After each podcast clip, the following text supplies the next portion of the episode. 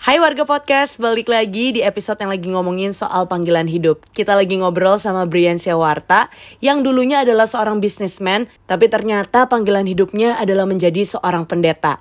Jangan lupa dengerin dulu episode sebelumnya Restarting Life at 27. Tapi kalau lu ngikutin, pasti udah penasaran kan sama lanjutan cerita dari Brian? So, let's start now!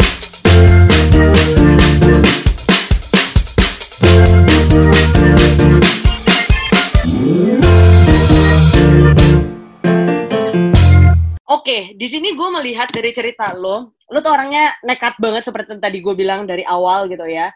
Dan uh, ketika lo punya this crazy idea gitu kan, uh, lo langsung kayak kerjain gitu. Tapi sekarang kan lo udah punya istri, ya kan? Beda tuh kalau misalnya ketika lu hidup lajang sendirian, whatever you wanna do, just do it gitu. Tapi kalau sekarang kan punya istri, istilahnya kayak punya tanggungan. Dan as I know, lu kan udah nggak disupport sama parents lagi gitu kan. Dan di masa pandemi ini, uh, jujur semua bisnis turun and everything gitu kan. Uh, Gimana sih uh, lu memulai itu semua? Istilahnya lu tuh kalau kalau main game, uh, apa nyawa lu tuh udah abis abis abis tapi hidup lagi hidup lagi hidup lagi gitu so bisa ceritain gak sih yang terakhir ini lo nekat ke Jakarta apa aja yang lo tinggalkan di Bali dan apa aja yang lo dapet ketika lo balik ke Jakarta gitu. Wow, I love that. Pantes aja ini podcast trending nomor satu. Hostnya ini lo nanyanya tajam banget, luar biasa banget. Um, that great, great question, Kenny. Um, gue percaya bahwa semua strength kita, kelebihan kita juga sebenarnya adalah punya potensi menjadi kelemahan kita. Hmm. Contohnya gue orang yang yang main tabrak aja, uh, hajar dulu, pikir nanti. And itu udah, udah menjadi kekuatan gue sampai hari ini pun gue jadi bisa merintis gereja dan lain-lain. Gue gak terlalu pikirin apa kata orang.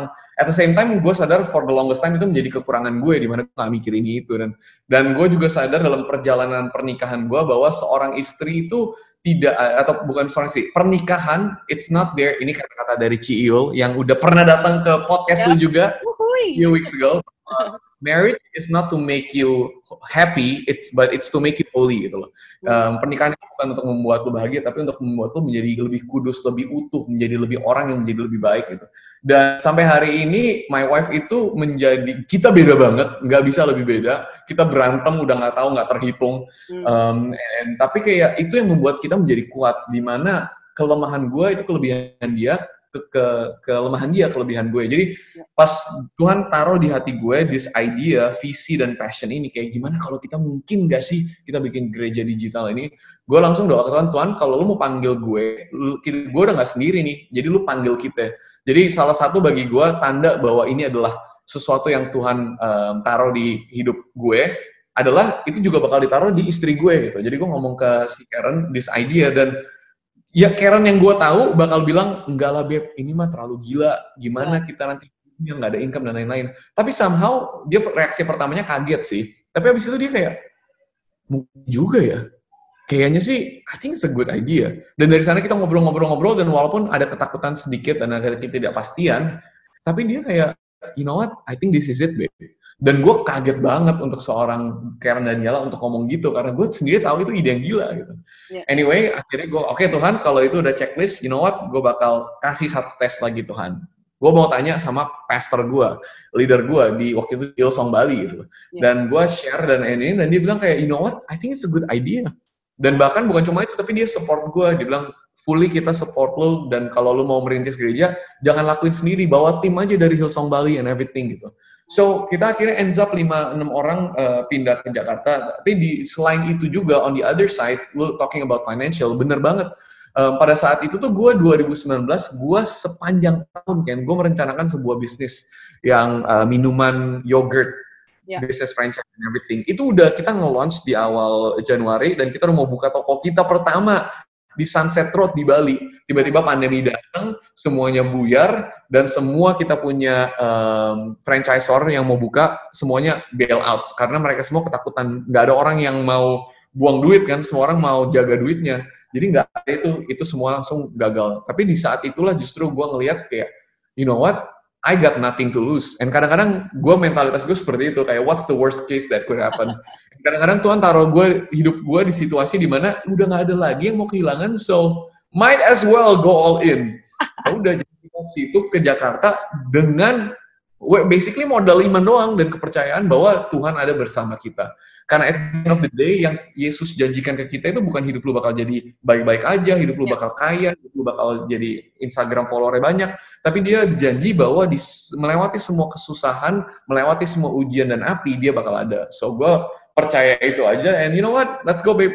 So kita pindah ke Jakarta, and guess what Ken, di sini yeah. kita dapat baru bisnis yang gue nggak pikirin so cerita singkatnya kita balik ke Jakarta kita punya anjing yang namanya Bailey kan yeah. and gue udah seumur hidup suka anjing mungkin seumur hidup keluarga gue udah pelihara 30 anjing kali wow. dan kebanyakan anjing kita tuh mati karena uh, kanker dan kita kira itu normal gitu jadi baru dari tahun lalu gue belajar bahwa anjing itu seharusnya makan daging bukan hmm. makan makan diproses nah dari sana kita Bailey kita gedein dan lain-lain Um, sampai dia kayak gede tuh bulunya gede. Balik sini, tantenya si Karen ngeliat Bailey kok kayaknya bagus. Gue punya empat anjing sama-sama samoyed, tapi kok jauh lebih kecil, bulunya tipis.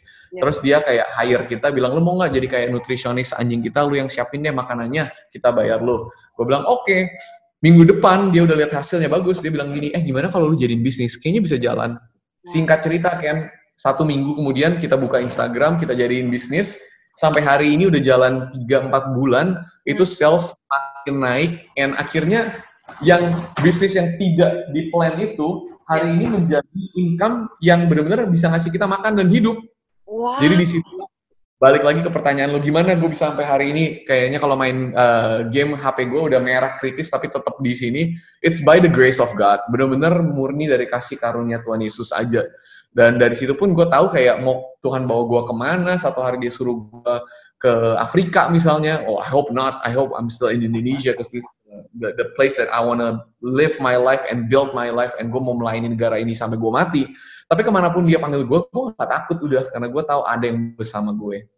Yap, yap, yap, yap. Dari si Brian yang mulai hidupnya dari harusnya menjadi pembisnis dan sekarang menjadi pendeta gitu ya. Uh, hmm. Akhirnya lo mendapatkan passion lo dan menjalankannya nih di tahun 2020. Uh, lu ada nggak sih beri pesan-pesan buat teman-teman yang mungkin sekarang masih cari passionnya gitu mungkin mereka nggak hmm. muda juga gitu kan mengingat lo memulai hidup lo lagi di umur 27 ada nggak yeah. pesan-pesan buat teman-teman semua nih definitely ada um, yang pertama adalah buat buat teman-teman kita yang masih belum percaya bahwa ada Tuhan apa pun kepercayaan kita. You gotta find that first. Karena gue yakin bahwa passion kita, the sense of calling, tujuan hidup itu tidak bisa didapatkan dari diri kita sendiri. Kita harus percaya bahwa ada sosok yang menciptakan kita yang lebih besar daripada kita. Makanya namanya itu panggilan, bahwa ada seseorang yang memanggil. Apa pun yang kita percaya, um, tapi kita harus percaya hal itu. Nah, kalau gue percayanya sama orang yang namanya Tuhan Yesus. Yeah. So you guys can can find him, you guys can find whatever you believe. Tapi kalau itu titik awal, nah kalau itu udah terjadi, di situlah um, what I would say when it comes to passion dan apa mimpi kita, mimpi yang mungkin untuk semua listener kita yang ditaruh yang lu punya dalam hati lu, you gotta just do it. Yeah. You gotta just do it. Lu harus melangkah karena you'll never know whether you love or hate something unless you try. And gue selalu bilang bahwa we only live once in this side of eternity. Di sisi sini, I mean, gue percaya bahwa kita setelah badan kita mati, kita akan pergi ke suatu tempat di mana kita akan hidup selamanya. Tapi on this side of eternity, selama kita masih bumi yang kita injak ini, um, you gotta find it. Just try it out. Dan gue bilang ke teman-teman gue, Ken, and, and semua, makanya gue mau bilang ke semua listeners kita, tahun ini adalah tahun terbaik yeah. to go after your dreams and your passion. Kenapa? Karena it couldn't be more effed up than this. Life here, the earth up it has been. Jadi you got nothing to lose, man. Yeah. Semuanya hancur, semuanya juga udah berantakan. So yeah. let's take time untuk di sisa dua bulan terakhir tahun 2020 ini. Let's time to reset. Take time untuk melihat kembali apa sih yang gue percaya tentang Tuhan gue, apa sih yang gue percaya tentang diri gue, apa sih yang gue percaya tentang hidup gue. And let's make sure bahwa tahun depan kita akan step into things yang jangan sia-siakan hidup kita lagi gitu. Jangan jangan I mean, ah gue appreciate banget dan respect banget teman-teman gue yang kayak mereka ngikutin orang tuanya walaupun itu bukan passion mereka and it works gitu loh. Yeah. Tapi banyak dari teman-teman gue yang pada akhirnya di akhir hidupnya mereka nyesel gitu. Mereka berasa mereka orang desainer tapi mereka terpengaruh oleh society, oleh orang tua dan everything. Dan gue nggak bilang lawan orang tua lo and everything, um, tapi make sure bahwa lu hidup bukan untuk orang lain tapi untuk Tuhan yang lu percaya dan untuk diri lu dan keluarga lu and everything on that gitu loh. Jadi just go aja, hajar aja mungkin Kenny Jafar bakal jadi presiden 2000 selanjutnya 2000 nggak tahu berapa sih. And I'll vote for Kenny Jafar tapi the, sky is the limit as long as you believe sama sebuah sosok yang menciptakan lo dan dia membimbing lo and you can do anything that he calls you. Wow, tapi ya sih ngomongin soal um, keterbatasan umur, mungkin banyak yang bilang kayak, uh, oh my god, gue udah umur segini, kayaknya nggak mungkin lagi. Coy, by the way, Joe Biden ah. jadi presiden umur 77, kayaknya nggak ada yang lebih... nggak ada yang lebih crazy daripada itu nggak sih? Jadi menurut gue, ya ya ya, memang harus ada satu poin di dalam kehidupan lo just go for it whatever you wanna do just do it. Dan seperti yang tadi lo bilang gak ada yang lebih parah dari tahun 2020 kalau misalnya udah hancur sekalian aja coy hancurin ya gak sih? Kalau main poker udahlah udah ini all in aja udah. All in ya bener bener bener bener. Wow hmm. Bray kayaknya selama 28 menit semua perkataan lo itu ada nilainya ada value-nya. So thank you banget untuk 28 menit kita ngobrol Definitely. Thank you so much for having me. It's such an honor. Yep, And yep. I can't wait kalau satu hari akan dipanggil kembali. But Woohoo! love you. love you, Bri. By the way, uh, boleh nggak sih kasih tahu sedikit ke warga podcast nih, apa sih yang lagi lo kerjain sekarang?